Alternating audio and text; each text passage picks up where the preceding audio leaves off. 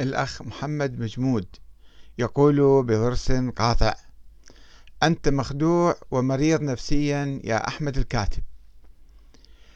أحمد أقسم بأنك مخدوع ومريض نفسيا وتتصور بأنك حققت وجئت بشيء كبير وها قد صفق آه، وضحك عليك الكثير من الجهلة والأغبياء من الوهابية وأعداء آل البيت وشيعتهم. تريد أن تقنع الذين يستمعون إليك من السذج والجهلة بأنك أفهم وأعلم من الشيخ المفيد والشيخ الطوسي والسيد المرتضى والشريف الرضي والعلام الحلي والمحقق الحلي وغيرهم من الأعلام الذين هم في ضلال وجهل بحيث فاتهم ما اكتشفته أنت المكتشف بعد كل هذه القرون من السنين.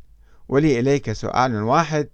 قول الرسول صلى الله عليه وآله وسلم من مات ولم يعرف إمام زمانه ميتة جاهلية مات ميتة جاهلية فمن إمام زمانك أنت يا أحمد؟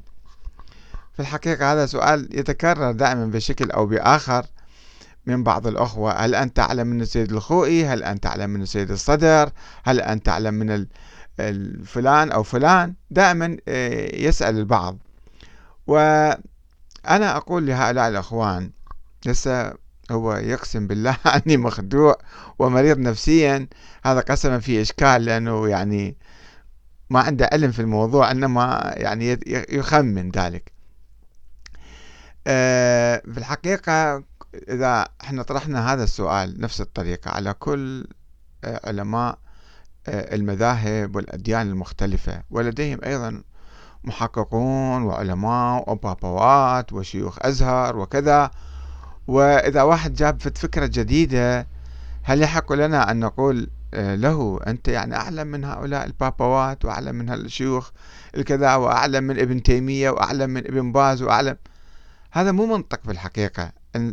يعني الإمام علي عليه السلام علمنا هذا التفكير المنطقي. قال انظر إلى ما قيل. ولا تنظر إلى من قال. يعني سواء كان واحد كبير أو صغير لا تنظر قديم أو حديث لا تنظر إلى ذلك. انظر كلامه معقول وصحيح وفكر فيه ولا تقلد تقليدا أعمى. المشكلة في هذا الأخ محمد مجمود أو محمود ما أدري شنو اسمه. يعني اسم غريب هذا. آه، أنه يقلد يعني يقلد هؤلاء السابقين. والمشكلة مو فقط فيه هو هو إنسان قد يكون عادي يعني.